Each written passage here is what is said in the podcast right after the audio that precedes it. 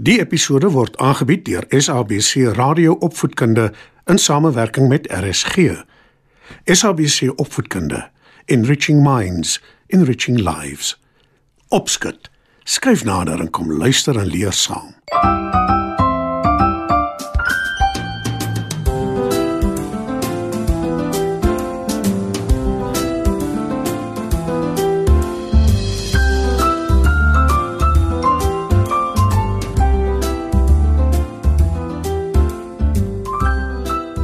Maats, is weer tyd vir opskud. Vanaand vertel ek julle hoe slim sy baas vang. Skuif gerus nader, dan val ons sommer dadelik weg met ons storie.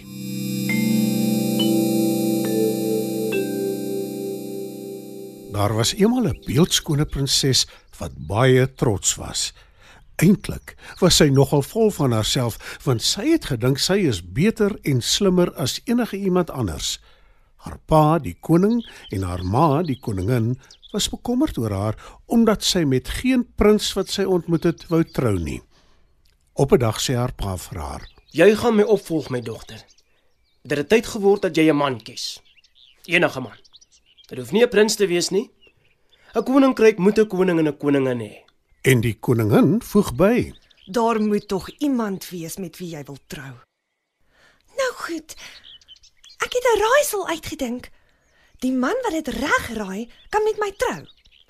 Want dit sal beteken hy is slim genoeg. antwoord die prinses.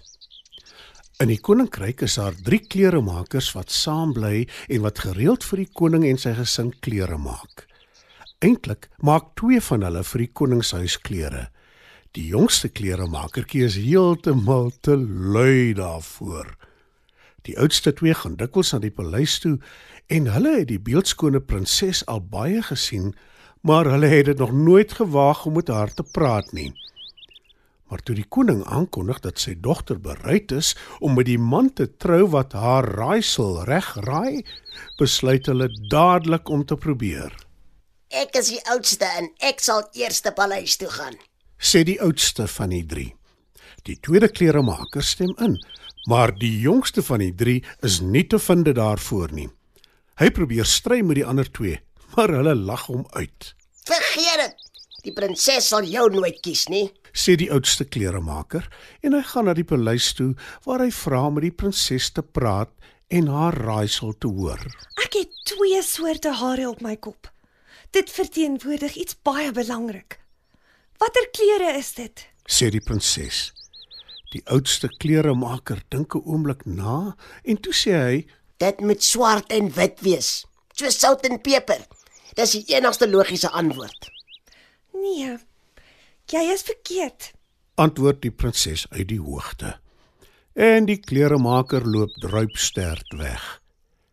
Toe die tweede oudste kleremaker hoor wat gebeur het, lag hy lekker, want hy reken hy weet wat die regte antwoord is. Hy gaan vol selfvertroue na die paleis toe en meld aan. Weer vra die prinses: Ek het twee soorte hare op my kop. Dit verteenwoordig iets baie belangrik. Watter kleure is dit? Bruin en rooi. Die twee belangrikste kleure in die natuur. antwoord die kleremaker sonder om eers na te dink. Nee. Jy is verkeerd. antwoord die prinses tot sy verbasing. En ook hy loop druipsterd weg, Nou is dit my beurt. sê die jongste kleremaker. Die ander twee probeer hom ontmoedig om na die paleis toe te gaan. Hulle verseker hom hy staan nie 'n kans nie, maar die jongste kleremaker glimlag net en hy vertrek. Toe hy voor die prinses staan, vra sy weer dieselfde vraag. Ek het twee soorte hare op my kop. Dit verteenwoordig iets baie belangrik. Watter kleure is dit? Goud en silwer. Dit verteenwoordig jou rykdom. antwoord die kleremakertjie dadelik. Die prinses is bleek van skok. Sy het nie gedink iemand so armsalig soos die kleremakertjie sou haar raaisel ontsyfer nie. Maar sy ruk haar reg en sê: Daar is 'n tweede uitdaging wat jy moet baas raak. In ons stal is daar 'n beer. Jy moet die aand saam met hom deurbring. As jy dit oorleef, sal ek met jou trou. Die kleremakertjie knip nie 'n oog nie en hy sê: Sekerlik. Ek sal dit doen. Mats, in ons land is daar nie beere nie, maar in die land was daar, soos in heelwat lande vandag. En beere is baie gevaarlike diere, veral as hulle toegesluit word. En toe die kleremakertjie die aand in die stal inloop, bestorm die beer hom en hy brul hard. Maar in plaas daarvan om te skrik, sê die kleremakertjie met 'n streelende stem: Toe nou ou groote, nie kwaad wees nie. Ek kom in vrede. Hy steek sy hand in sy sak en haal 'n klompie neute uit. Hy kraak die doppe oop en begin aan die neute smil. En toe die beer dit sien, word hy baie lus vir die neute. Hy kyk pleitend na die kleremakertjie en vra: Mag ek ook daarvan kry? Sekerlik. antwoord die kleremakertjie. Hy steek sy hand in sy sak en haal wat die beer dink neute is uit. Maar eintlik is dit klein klippies. Hy hou dit uit na die beer toe wat dit versigtig uit sy hand uitvat en daaraan begin kou. Die beer probeer die doppe van die neute kraak soos wat hy gesien het die kleremakertjie doen, maar natuurlik sonder enige sukses.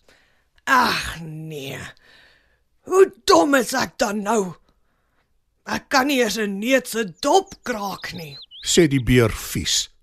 En toe vra hy vir die kleremakertjie: Sal jy my weer wys hoe om dit te doen? Jy kan mos nou sien ek kry dit nie reg nie. Al het ek 'n groot mond en sterk tande. Sekerlik. antwoord die kleremakertjie. Hy vat een van die klippies by die beer en sonder dat die beer dit agterkom, ruil hy dit vinnig om vir 'n neut. Hy sit dit in sy mond, kraak die dop en smil aan die neut. Die beer wat hom dopgehou het, sê Ek het mooi gekyk wat jy doen. Ek dink ek sal dit nou reg kry. en die beer probeer weer om die dop van 'n klippie te kraak met sy tande om by die neut uit te kom. Maar dis natuurlik te vergeefs.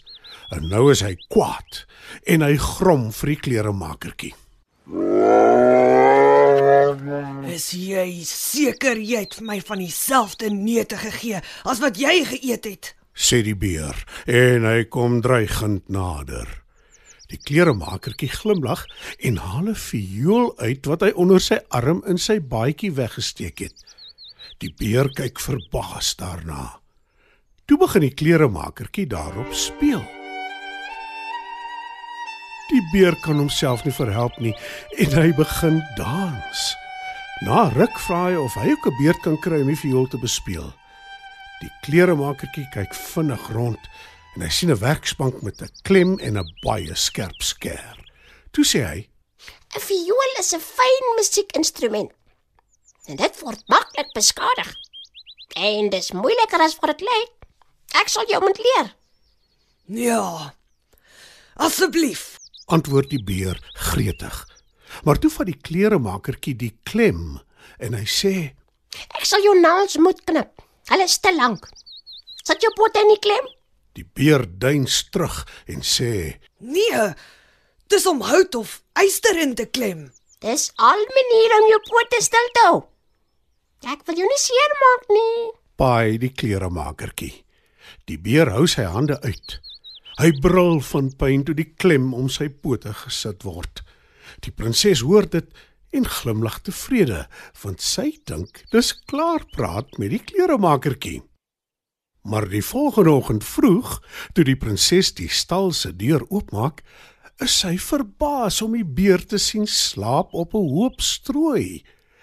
Die kleremakertjie wag haar in met 'n groot glimlag. Hy het nooit die beer se naels geknip nadat hy die klem om sy voorpote gesit het nie. Hy het net vir hom viool gespeel totdat hy aan die slaap geraak het. Die prinses weet nou sy het nie 'n keuse nie. Sy moet nou met hom trou. En hoewel sy onwillig is aan die begin, besef sy later dat dit die heel beste keuse was. Die kleremakertjie wat nou 'n prins is, wou nooit klere maak nie en hy is eintlik slim en hy kan musiek maak en vir haar sing. Partykeer maak mense die regte keuse al weet jy dit nie en al twyfel jy.